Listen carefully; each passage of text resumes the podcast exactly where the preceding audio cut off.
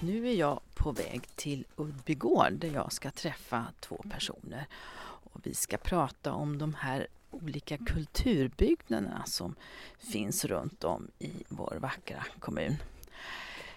Och eh, ja, vi får se hur kvaliteten kommer att bli på det här programmet för att eh, vi kommer att vara utomhus i denna pandemins tidevarv.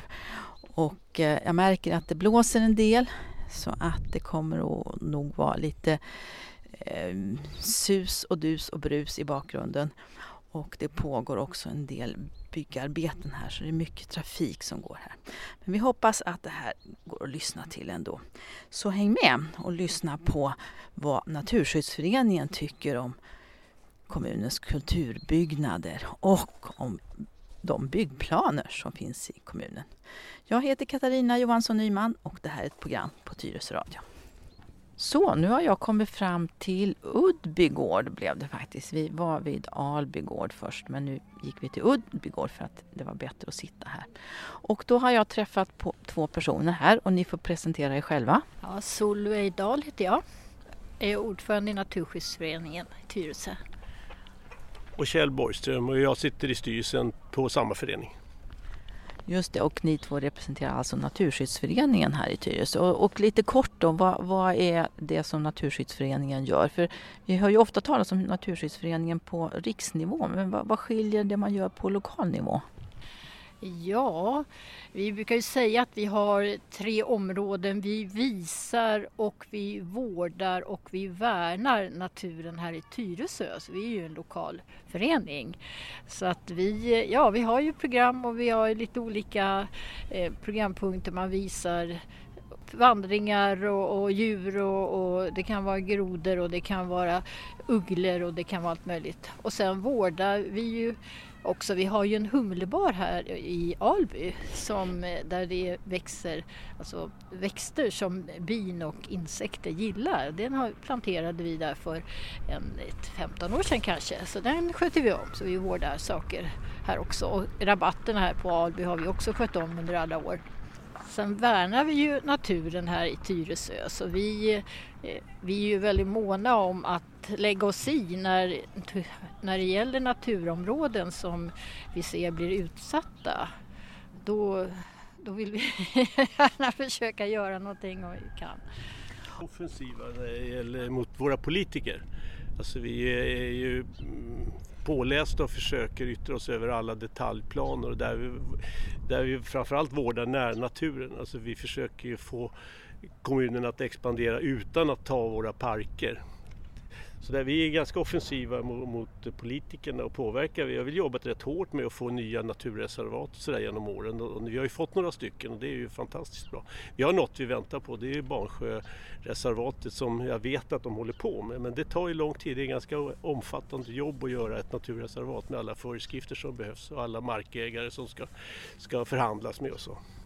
Ja, och vi kanske kan återkomma till det. Ja, vi sitter alltså utomhus och det blåser lite grann här och ibland kommer det någon bil och så ibland är det någon, någon tupp som kacklar eller några höns. Men, men så är det. Eh, Och bara lite kort, hur många medlemmar har ni i Tyresö? Ja, vi har eh, ungefär ett 1800 medlemmar.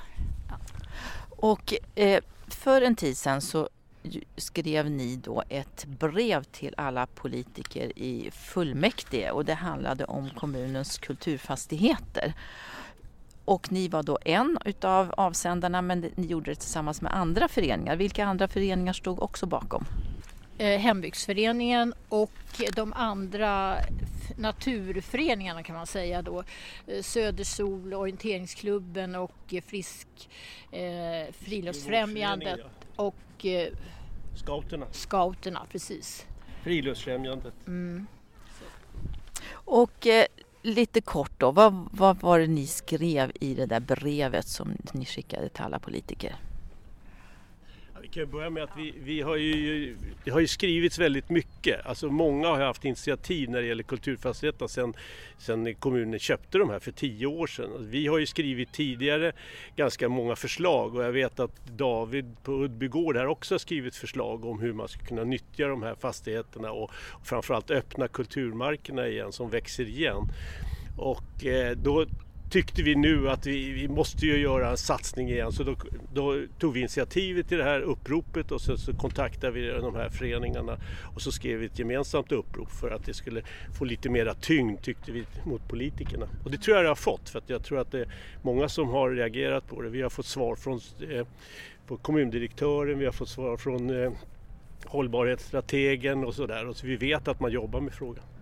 Ja, och de kulturbyggnader som vi då pratar om det är ju, nu har jag skrivit upp här, Alby gård, Uddby gård, det är Alstorp, det är Hällberga, Strömstugan, Rundmans gård och så är det torpen Karlberg, Grendalen och Skansen.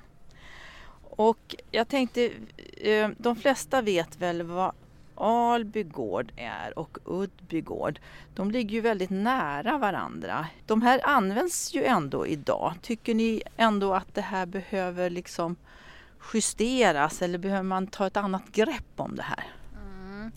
Jo då, det är olika hus här på Alby och Uddby. En del är ju rustade eh, tidigare men som till exempel Brygghuset där borta på Uddby gård som står i svängen. Där börjar det ju bara rinna in vatten i taket. Och det så att då fick vi ju se, se det på bilder att det var så. Och då visade det sig att det var ju redan när arrendet togs över för fem år sedan så hade de ju sagt att det här var ju akut och behövde göra någonting åt taket men det har ju inte hänt någonting. Så att då, då blir det ju, det kostar ju pengar när det står och förfaller och måste göra stora reparationer sen. Så att det är vissa hus här på gamla arrendebostaden här uppe på Alby till exempel och, och andra småhus som behöver verkligen rustas. Sen har, sen har det ju Eh, det har diskuterats ett program nu sen den här nya maskinhallen kom till med personallokaler så har ju delar av det här huset som är bakom oss just nu, där med långa med bastun och det, där, där har ju lokaler blivit över. Och där har man ju planer på att Naturskolan ska kunna få något rum och så här, men det är ju inte klart alltså hur, det, hur programmet ska se ut och det måste ju också rustas upp då för här, den bortre delen här där, där personalen har suttit tidigare, det är ju tomt idag. Så att där har man planer på Alby. Och sen har vi ju andra ställen också, Rundmans gård till exempel och den har ju stått öde sedan ett antal år tillbaka. För om inte jag missminner mig så bodde ju någon familj där eller någon som, som brukade gården för inte så länge sedan. Men idag står det helt tomt. Ja, det gör ju det. Sen eh, Elisabeth hette ju hon som drev denna gården förut eller hade en hästverksamhet där. Men då när kommunen köpte det här och då hade man ingen plan på vad man skulle göra men man eh, sa upp henne och även de andra som hade hyrt på torperna utan att man hade någon plan för vad det skulle bli. Så det var ju inte alls smart. Och då satte man ju igång utredningar och det är ju tio år sedan. Och det har inte hänt någonting, det är bara utredningar. Det var ju det som gjorde nu också det här upp Ja, vid Runnars gård var det ju så att eh, stallet vart ju utdömt, han fick inte ha hästar där. Och eh, i och med det så ansåg man att, man att även bostadshuset var utrangerat och då sa man upp hennes kontrakt. Eh, men, men, det är klart att eh, hon kunde ju ha bott kvar på ett eller annat sätt. Alltså hon kunde haft det som fritidshus. För hon var ju en, en eh, vaktpost i Tyresta skulle jag säga. Hon såg ju till att det inte hände saker och att det inte blev vandaliserat och sådär. Så att hon hade ju en bra funktion. Även, ut, även om hon inte skulle haft hästar. Nej precis för att det, det tänker jag nu då när den här bron nu då så småningom kommer härifrån Alby över till till, ja, det blir ju lättare att nå Rullmans gård. Och då kan man ju känna farhågor för att det blir också lättare för de som kanske inte har så ärliga uppsikter. Det kan ju vara ungdomar som, som vill ha, ha någonstans att uppehålla sig på kvällar och sådär. Så att precis som du säger, det finns ju en risk för skadegörelse och vandalisering. Ja, vi ser ju att, att Rönnmar gård kommer att få ett lyft när bron blir av därför att då kommer det bli en centralpunkt. Det kommer att bli första punkten man dyker på när man har gått över Nyforsviken med den nya bron. Och där har ju många haft planer. Vi har haft planer från fäbod. Jag vet att, att eh, David där nere på Huddby gård har ju gjort ett långt program hur man ska kunna rösta kulturmarkerna, beta de här markerna och hur man ska kunna använda torpen och rusta upp torpen på olika sätt. Eh, men vi väntar ju fortfarande på att det ska ske. Eh, om jag förstod rätt, hon Elisabeth hon hyrde ju då eh, Rundmars gård. Men eh, jag tänker lite teknikaliteter för gör man om det till att det är arrende då kan man ju lägga sånt där på den som nyttjar. Att, att det, alltså, det, de får ta ansvaret för, för att allting är schysst så att säga, vad det gäller arbetsmiljö och, och djurhållning och sådär. Så att då behöver inte kommunen ha ansvaret för det. Nej, det, det kan man säga. Vi, vi, har ju en del kontakt med David. Men de diskuterar ju fortfarande arrendeavtalet både för Uddby gård och då har de här torpen kommit upp. Men jag har förstått att, att de har inte riktigt kommit överens där därför att han kan, har ju inte ekonomi att rusta eh, torpen på egen ekonomi utan där måste ju till pengar någonstans ifrån. Alltså där, där tror jag inte att man är överens men det, jag är inte insatt i de här eh, arrendeavtalen utan det håller kommunen på med just nu. Och då kanske du får berätta för våra lyssnare vem David är då? David han är ju arrendatorn på Uddby gård sedan ett antal år.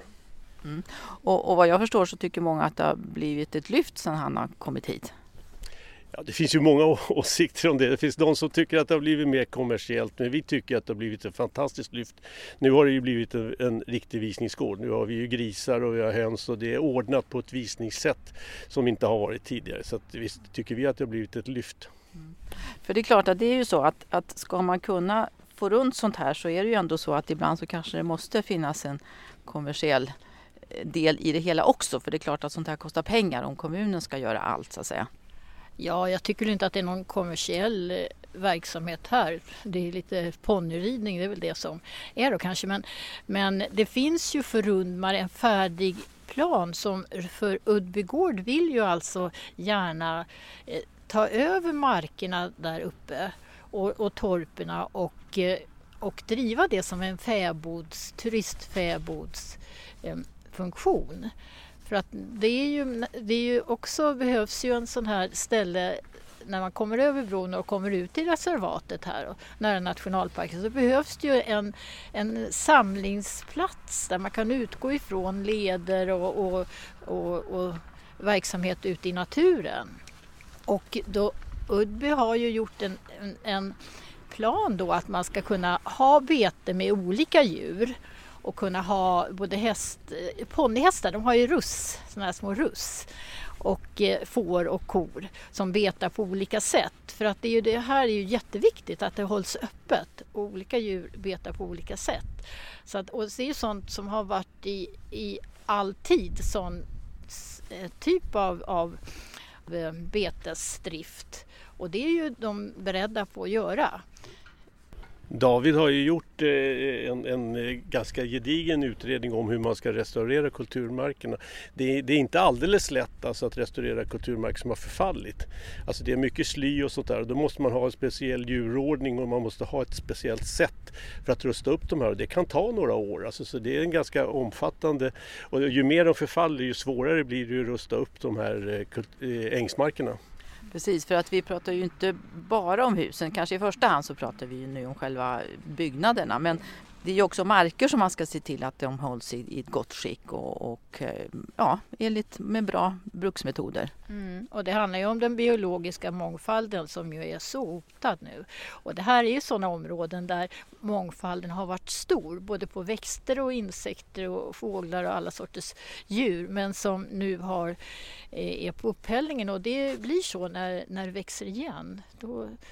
Ja, Tyresta är ju, är ju en jättestor skog men det är också de här stora hagmarkerna, de här öppna ytorna, de har ju en stor betydelse för den biologiska mångfalden. Mm. Därför är de viktiga tycker vi. Mm. Minst ja. lika viktiga som husen. Ja precis, ja men så är det ju.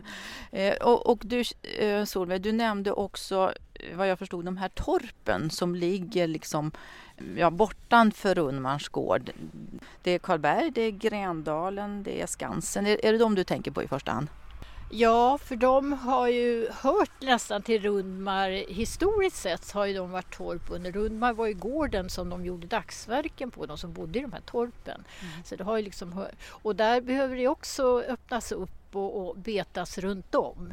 Så att det hör också ihop. Och där finns ju, där har ju Udby också ett förslag att att de skulle kunna ta över då uthyrningsverksamhet där mot att de som hyr där får sköta tillsyn på djuren som är betar. För det måste ju vara, är det djur som betar måste det vara tillsyn, det måste finnas människor där.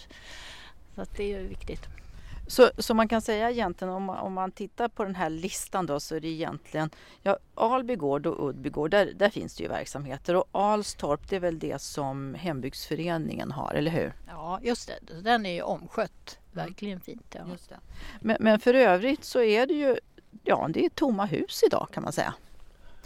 Ja, det är det som är sorgliga och man har inte haft någon plan för vad man ska göra med dem. Men det är det vi hoppas nu att man gör en plan för eh, både rustning och användning för det är ett hus som används, det, det förfaller ju.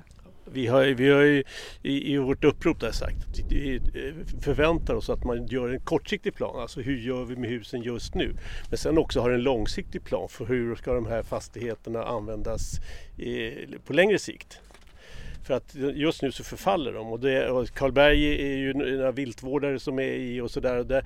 Alla de här husen, det måste ju finnas någon som bor i dem lite mer stadigvarande, åtminstone över sommarhalvåret. Mm, ja, det är sant. Och eh, ett, ställe som jag tycker också vi måste nämna det är ju den här så kallade Strömstugan som ligger vid Follbrinken som, som ju idag ser, ja, det ser ganska bedrövligt ut för man har inte ens lyckats spika de här plywoodskivorna som man har satt för fönstren rakt utan de, de är på sniskack kan man väl säga. Så att det, det, ser verkligen ganska bedrövligt ut där idag. Men jag vet inte om det finns, jag har också hört att det finns någon konflikt där vad det gäller vägen för att vägen försvann ju när man gjorde den nya vägen ut till till Jag kan kommentera det därför att det var ju så att, att det, det, Strömstugan köptes ju till en privat ägare. Men sen byggde man om vägen och då, så, då blev det i samband med det att det gick inte att komma åt den för det gick inte att göra någon bro över till här. Och då var kommunen på sätt och vis tvungna att köpa tillbaka Strömstugan. Och sen har man väl inte haft någon direkt eh, plan för vad man ska göra med den. Vi har en idé. Man kan ju koppla Strömstugan till vandrarhemmet. Det skulle vara ett fantastiskt fint annex och också få det vårdat. Det är en av våra idéer. Det finns säkert andra idéer som man skulle kunna göra men man måste ju ta hand om den helt enkelt. Nej, och precis. Det, det viktiga är väl att, att, det, att det blir någon slags långsiktig plan och att det, att det är någon som tar hand om de här husen. Och jag, och jag vet ju också att det är ju den här, som ni, precis som ni sa, den här frågan har ju varit uppe i många, många år och jag vet också att kommunens revisorer har varit på den här frågan. Så att det, det är ganska anmärkningsvärt att det drar ut så på tiden. Mm. Ja, det är det ju och det är väl ja, jag vet inte vad det beror på egentligen. Men det, ja, man lägger det på utredningar och så lägger man det på utredningen på hyllan och så blir det inte, ja, nej, jag vet inte. Ja, men vi har väl, det är väl så att man måste skaffa sig eh, personal ja. som vet hur man vårdar kulturfastigheter.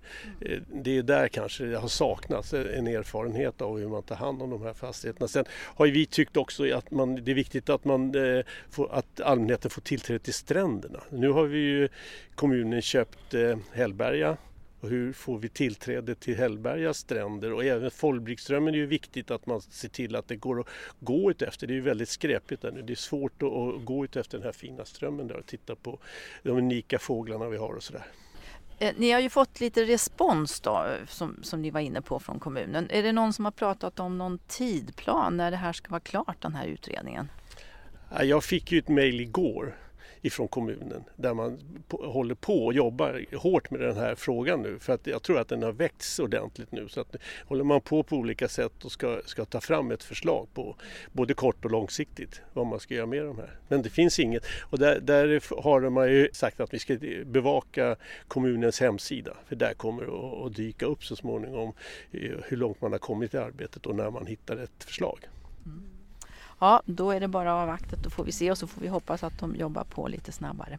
En eh, kommentar om Hällberga också kan jag tycka. Nu har man köpt Hällberga och eh, vi som föreningsrörelse tycker ju då att det vore bra om vi kunde få nyttja marken. Alltså vi har ju barnverksamheter och den här tomten är ju fantastiskt fin nere mot stranden där som vi skulle kunna nyttja på olika sätt.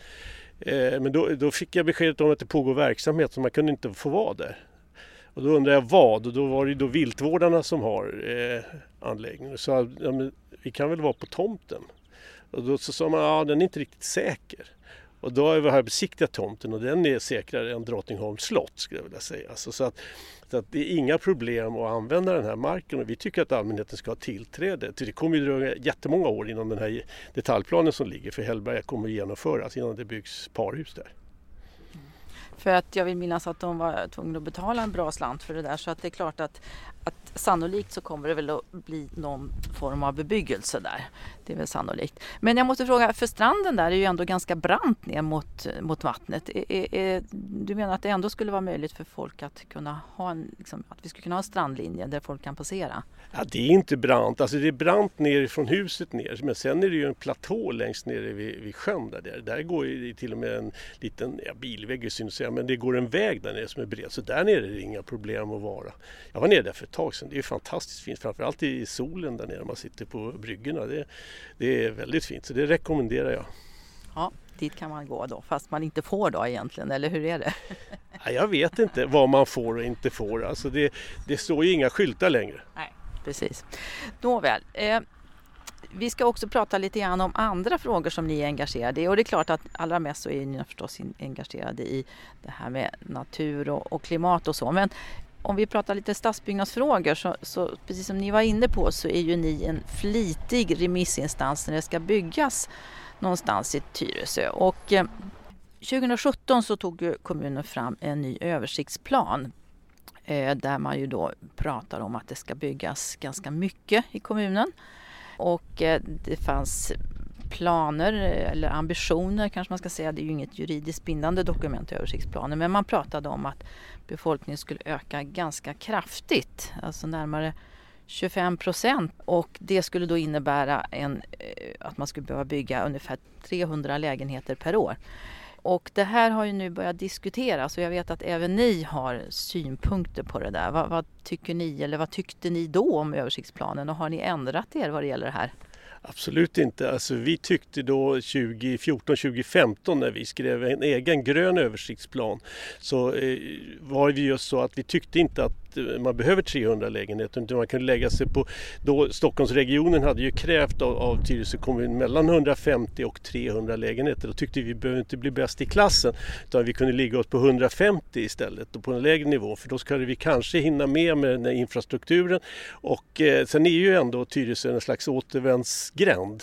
Alltså det tar slut här. Och sen kan man koppla det mer mot Haninge och sådär. Men, men vi tyckte absolut att 150 var gränsen. Och det står vi för. Och det nu har kanske, vi har ju sett att, att Moderaterna har lämnat in en motion om att, att minska och jag eh, lägenhetsantalet och jag vet ju att eh, det stod i senaste protokollet här att, att man ändå ska se över bostadsutbyggnaden i Tyresö. Kommundirektören fick det uppdraget faktiskt senast. Ja, det är klart för att precis som du säger, alltså allting annat ska ju också hänga med. Det är kanske skolor, förskolor, det är kanske äldreboenden, LSS-boenden, det är vägar, ja mycket annat som också måste byggas och det, det ska man ju också ha med sig. Ja, inte minst kollektivtrafiken. Alltså, det är ju 73 procent tror jag som pendlar från Tyresö kommun till andra kommuner och eh, de måste ju resa på ett smartare sätt. Vi kan inte sitta i bilar på, Ty på Tyresövägen och Nynäsvägen. Det är inte hållbart. Fast nu blir det elbilar vet du. Ja, men det dröjer nog rätt länge för att vi har många problem med att få dem laddade också. De tar ju lika stor plats i trafiken. Ja, ja, eh, ja det där om elbilar det, det kan, det, en, det, kan vi ha en särskilt program om för det är väldigt spännande för jag undrar också var elen ska komma ifrån med tanke på de diskussioner som har varit på sistone. Men tillbaks till byggandet då i Tyresö. Så att, ja vi får väl se då, det kanske blir en revidering av, av den här översiktsplanen. Ja, vi hoppas ju på det. Alltså, vi har ju varje, varje detaljplan som vi har yttrat oss över de senaste åren så har vi, har vi också haft med en bilaga som heter tillväxt. Där vi varje gång har påstått att vi inte ska ha den här höga tillväxten. Vi, vi behöver tillväxt men vi behöver inte växtverk. Det är väl vår huvudtes. Alltså det har ju funnits med i varenda yttrande som vi har haft här under senare åren så att det, vi hoppas att det mals in Alltså, ibland så undrar man ju, ska vi skicka med den här bilagan? För det kan ju bli tjatigt, alltså man får ju sådana här bilagor hela tiden. Och vi gör ju så med våra yttranden att vi skickar, alla yttranden ska ju gå till eh, stadsplanekontoret. Men vi skickar ju alltid det också till eh, stadsbyggnadsutskottet. Så att alla politiker får våra yttranden. Och det får vi en del respons. Det är många som svarar och många som läser våra yttranden har vi förstått och det är vi tacksamma för. Vi skulle ju kanske hoppas att man, att man tog lite mer hänsyn till våra synpunkter. Eh, om vi nu pratar till exempel om Amaryllisparken som ju ligger vid Lindalen som ju nu är omdiskuterat huruvida det ska byggas eller inte. Eh, vad tänker ni om det? Eh, Amaryllis Amaryllisparken finns ju inte som eh, förslag än. Det finns en del som har presenterats i medborgardialog och sådär men vi har inte sett något riktigt förslag. Vi, såg, vi har ju sett det här planuppdraget som kommunen har skickat ut en gång i tiden när man pratar om vad man har för planer. Det finns en, en aktör som, som har gjort idéer om man ska bygga. Men vi har inte något riktigt att yttra oss om. Men sen är det ju så att vi är ju mot att man tar närnatur generellt och det har ju varit eh, i alla detaljplaner egentligen. Alltså på Granitvägen där man tog för mycket park tycker vi. Och ja, egentligen överallt där man exploaterar så exploaterar man på parkmark men det är ju andra sidan den enda mark som kommunen äger. Den andra marken är ju privatägd i Tyresö. Så att, tyvärr så blir det ju mycket närnatur och det tycker vi är dåligt. Alltså, vi, ju mer människor som flyttar in i centrala Tyresö ju mer naturmark behöver vi också. Man får inte tappa bort den. Så, men vi har inte yttrat oss över det där och vi har inte sett ett färdigt förslag. Nej, och det är ju ett ganska tidigt skede än, men man pratar ju om någonstans uppåt kanske 200 lägenheter då. Eh, och eh, kan man säga så här att ni skulle kunna tänka er att det byggs på delar av den där marken? Ja, det är svårt att säga, vi måste nog se ett förslag. Alltså det, det känns, det, det, som är presenterat, att man ska fem, sex våningshus som står i kanten, att man ska göra en stadsgata där av Bollmoravägen. Det, det känns ju tveksamt tycker vi. Eh, sen vet jag ju att det finns ju andra planer på att man ska också bygga hus på de här eh, olika garagebyggnaderna utefter hela Pluto. Och det får man väl se och det, det finns nog någon, någon, plan för att man ska göra Bollmoravägen till en stadsgata. Och det vet jag inte om det är i Tyresöbornas intresse. Amaryllisparken, det är ju en oas där i hela Lindalsområdet. Det finns ju ingen annan naturmark där. Och, och sen är det industriområdet mitt emot. Så att om man ska ta en promenad där i natur så är det ju det här området som det handlar om. Och det här märks ju särskilt nu när i de här pandemitiderna när folk vill gå ut och, och röra på sig. Och det är ju det, det är en folkhälsofråga också tycker jag. För där går ju en, en gångväg där alla går och det är där husen kommer. Då. Så att det är väldigt, eh, jag tycker att det är oklokt. Och man, man, kan ju säga att eh, Skrubba-området där uppe det ägs ju av Stockholms stad på andra sidan. Och där finns det ju planer på utbyggnad så man kan inte luta sig på att det finns grönområde där för det finns idag. Men det är inte säkert alltså att Stockholms kommun kommer antagligen att bygga ut industriområdet längre emot Tyresövägen, tror vi. Ja, eh, eh, åtminstone kan man ju säga att när man tittar på kartan så ser man ju att Lindalen är ju väldigt omgärdat av vägar åt alla håll. Alltså, det är Tyresövägen, det är Bollmoravägen och det är eh, det här som vi kallar för kalhygget då, som ju numera kommunen har köpt. Men där kommer det väl sannolikt också byggas på något sätt. Så att man kan ju förstå att det här är en liten oas för de som bor där. Ett annat område som har seglat upp här på sistone där man pratar om att bygga det är ju det här som heter Prästholmen som ligger vid Tyresö strand. Och vad tänker ni om det? Prästholmen har ju just yttrat sig om. Jag kan ju säga det också att alla som är intresserade av våra yttranden, de ligger på vår hemsida. Det finns ett speciellt eh, aktuella yttranden på vår hemsida. Där kan man läsa alla yttranden sedan 2014 som vi har lagt in. Där finns också en sammanställning. Vi har gjort eh, sedan 2014 tror jag 63 yttranden. Och Prästholmen tycker vi inte är bra av många skäl. För det första så, så tar man bort strandskyddet det är översvämningsrisk på marken och eh, att exploatera ute på den här udden med, med, ett så högt hus det tycker vi är en riktigt dålig idé. Sen finns det skyddsvärd natur där ute som vi tycker också att man ska bevara. Och vi har istället föreslagit att man, kommunen ska köpa in den och göra en park av det här för det skulle vara ett utmärkt tillskott för alla som bor i strand som börjar bo rätt tätt nu. Att man har den här holmen som ligger. Och så, strandzonen är ju alltid viktig men eh, vi har ju Erstaviks eh, reservat alldeles nästgårds. Det ligger visserligen inte i Tyresö men det är ju ändå väldigt nära. Ja, jo men det är ju så. Men, men det, det, finns ju något som heter Tyrestakilen. Det, ju, det finns ju tio kilar runt Stockholm där Tyrestakilen är en av dem. Det är just när, när naturen kommer in från landsbygden och in i en stor kil ända in till Stockholm. Den här fortsätter ju ända in till Bagarmossen och ända in till Skogskyrkogården egentligen. Och är livsviktig för den biologiska mångfalden och spridningsvägarna in i stan. Och det här är just en sån del, alltså de här spridningsvägarna är viktiga runt, eh, runt eh, sjön där. Du pratar om, om Prästholmen alltså? Ja, och Erstaviken där, alltså hela stränderna där är viktiga. Vi var ju emot de här strandlängorna som byggdes också på den tiden. Alltså vi tyckte det var ett dåligt ingrepp i strandzonen. Men för det är ju ändå så att där på Prästholmen så, så är det ju ändå hus idag. Så att det, det känns ju som att det är liksom privat mark. Det är liksom redan i anspråktaget. Så, så vad, vad kommer skillnaden bli egentligen? Ja, det är ju ett hus idag. Det är en privatbostad som dessutom, de är flyttat, det finns ju ingen där just nu. Det är ju en ganska måttlig exploatering. Alltså, men, men, nu, och det jag tror att kommunen är rädda för, att det är här, de som äger den här, för det är ju en aktör, alltså det är ju ingen privatperson längre utan det är en, en exploatör som har köpt Prästholmen. Att man ska istället eh, enligt översiktsplanens idéer, för där finns det ju en tät bebyggelse inlagd och där ska man kunna dela upp det här i små tomter istället och bygga på. Men då måste man ändå ta hänsyn. Vi tycker inte det är bra om att ta bort strandskyddet. För tar man bort strandskyddet då gör man liksom fritt fram att bygga utefter stränderna. Eh, så att, eh, då tycker kommunen kanske att det är bättre att bygga ett hus och få lite fler lägenheter. Men vi tycker det är ett dåligt ställe att bygga på helt enkelt. För vad jag förstod enligt det eh, förslag, för nu om jag kommer ihåg så är det på samråd då, så, så var det väl ändå så att det skulle vara tillgängligt för allmänheten precis längs stranden. Ja, alltså det är själva idén för kommunens idé och den är ju inte fel. Alltså det är att man ska göra en, en gångväg utefter stranden och att den ska vara allmänt tillgänglig. Det är den ju inte idag eftersom tomten är privat. Och det är väl det, det, därför kommunen är lite sugna på den här exploateringen. Men det blir för högt och för stort och för mycket och dessutom så är marken, det är hela stranden egentligen översvämningsrisk på. För att nu pratar man om en nivå på på vägen där på någonting på 1,6 meter. Man räknar ju med att ett riskvattenstånd kommer att ligga på 2,7 meter, alltså år 2100 ungefär. Precis som du säger, vägen kan ju ligga lite lågt men själva det huset som ligger idag, det ligger ju ändå ganska högt där. Det är ju liksom en liten bergsknalle.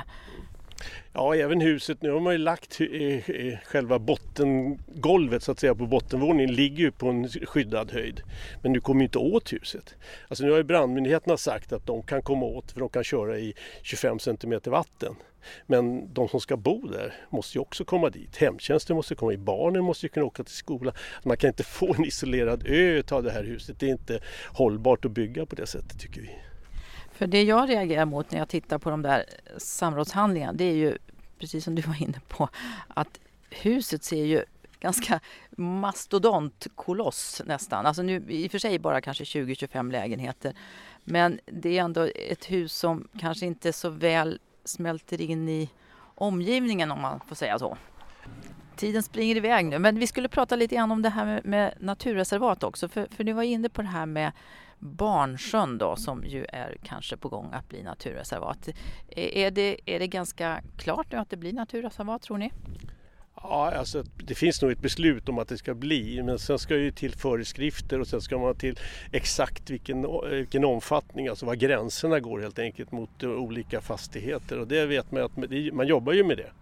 Men vi vet inte riktigt långt man har kommit faktiskt. Men eh, det, vi, vi pratar ju om det här med byggande och, och, det är klart, ni är ju naturligtvis Naturskyddsföreningen så att ni ska ju värna vår natur. Men, men tycker ni, för, för det är klart att det är ju risk för att det här som man pratar om NIMBY, Not in my backyard. Man, alla vill att det ska byggas och ni, ni kanske också har barn och barnbarn som behöver någonstans att bo i framtiden och sådär. Och, och som sagt var, Tyresö behöver också ta sitt ansvar i det här. Så, så var ska det byggas någonstans då? Ja, men vi har ju, vi har ju, Fredrik Savestål på sin tid sa ju att vi är emot allting. Och jag sa, du har aldrig läst våra, våra yttranden därför att vi är inte emot allting. Vi har aldrig varit emot, en, möjligen då Prästholmen nu, men aldrig varit emot en hel exploatering. Men vi är ofta emot att man tar till lite för mycket. Alltså, om man ser nu det här projektet som heter Granitvägen som där, där man ska bygga ut efter Bollmoravägen. Det är ett ganska bra projekt, alltså man tätar till den här slänten. Sen hur lägenheterna blir, det lägger jag mig inte i, alltså hur mycket sol och skugga och sånt där, det, det får arkitektterna lösa. Men det är ett ganska bra projekt. Men man tog lite för mycket. Man tog den här skogsbacken upp bakom Volvo upp där. Och där borde man inte bygga. Där ska man ju bygga ett antal punkthus. För den marken blir ju ännu viktigare nu när man bygger så mycket här nere. Så, att, så har ju vi nästan alltid sagt. Det där borde ni inte bygga och det där borde ni inte bygga. Men resten är rätt okej. Okay.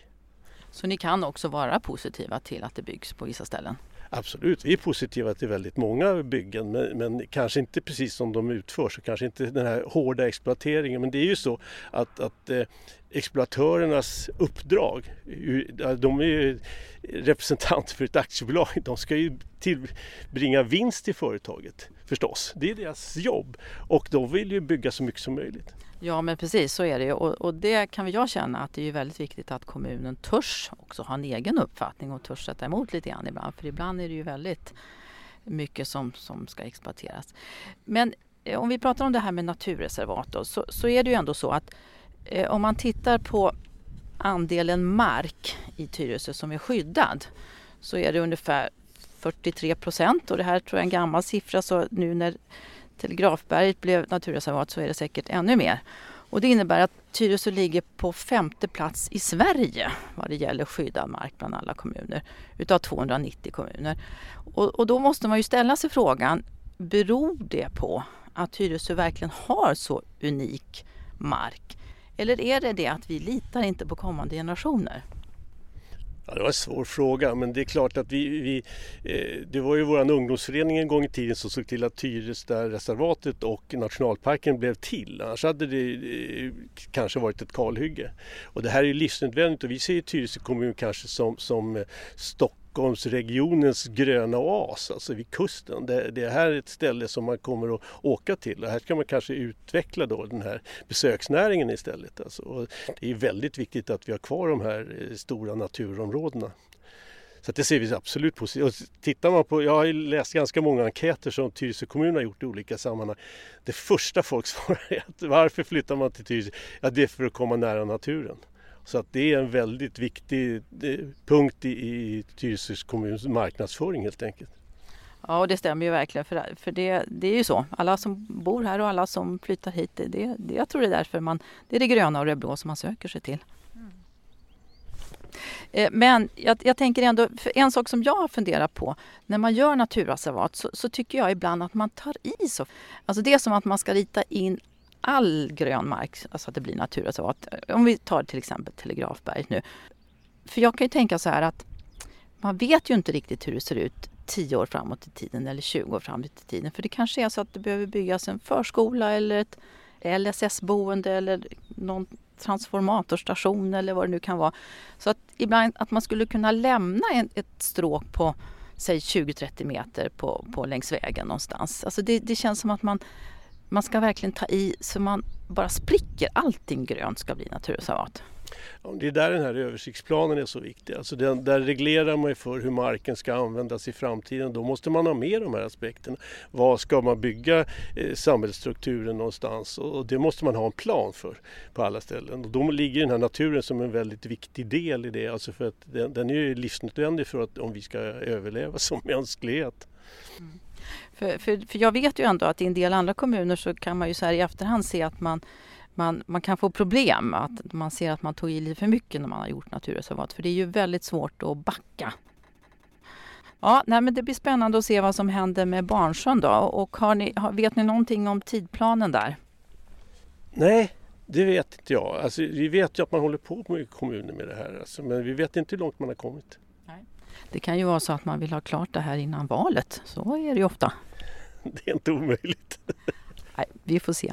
Men... Jag har haft synpunkter på Bäverbäcken också. Det frågade jag om här vid tillfälle. Alltså, där, där vet man ju att nu har man ju gått ut med ett antagande av, av en del av den planen. Alltså den östra delen den, där klubbhuset ligger i det, idag. Och vi har ju varit emot exploateringen på den sidan överhuvudtaget därför att där hade vi som plan redan för länge sedan att där skulle man bygga ett idrottsområde. Alltså den marken är så dålig så den skulle må bra av att liksom ha de här stora idrottsanläggningarna. Men nu har man ju byggt fast sig i norra Tyresö centrum med, med ishallen och simhallen och sådär. Så nu lär det väl inte bli, men det hade varit praktiskt att inte ha bostäder på den sidan av vägen för det kommer ju alltid få ett kommunikationsproblem när du har en stor motorled som ligger emellan två delar av, av bostäderna. Och det här vet jag att Liberalerna har tyckt hela tiden att man ska se till att få tunnlar eller de var ju emot den här exploateringen också. Men, men eh, nu är den ändå antagen och vi är lite kritiska till att kommunen gör så här att de, de gör en, en, en plan för hela Bäverbäcken. Det har man gjort på andra ställen också. Och så delar man den. Så, så nu tar man ett antagande bara på en liten del där. Men då har ju liksom samrådet och granskningen, det har ju varit hela planen. Och så tar man ut en liten del och gör ett antagande.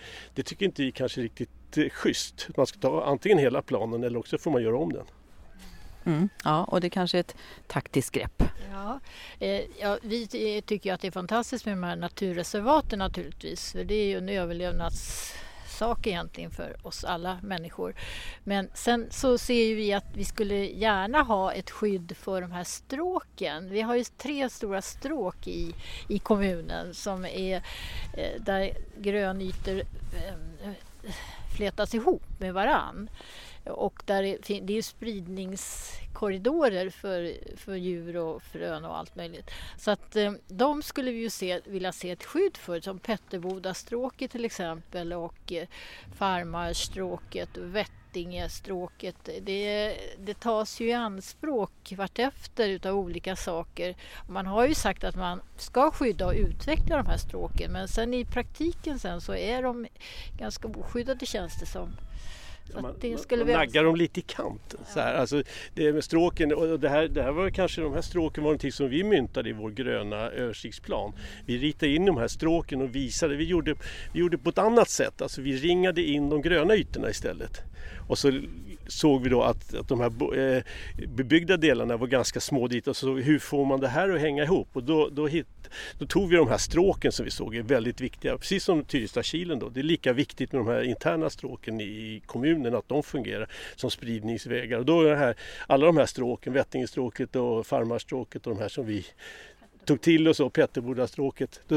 Och där måste man vara väldigt noga med att man inte är där och tar lite i kanten. Det är lätt gjort, ah, vi måste ha en liten dagis där eller vi måste bygga ut lite bostäder här och så. Och då är snart stråket borta. Det måste ju ha en viss bredd för att fungera. Just det.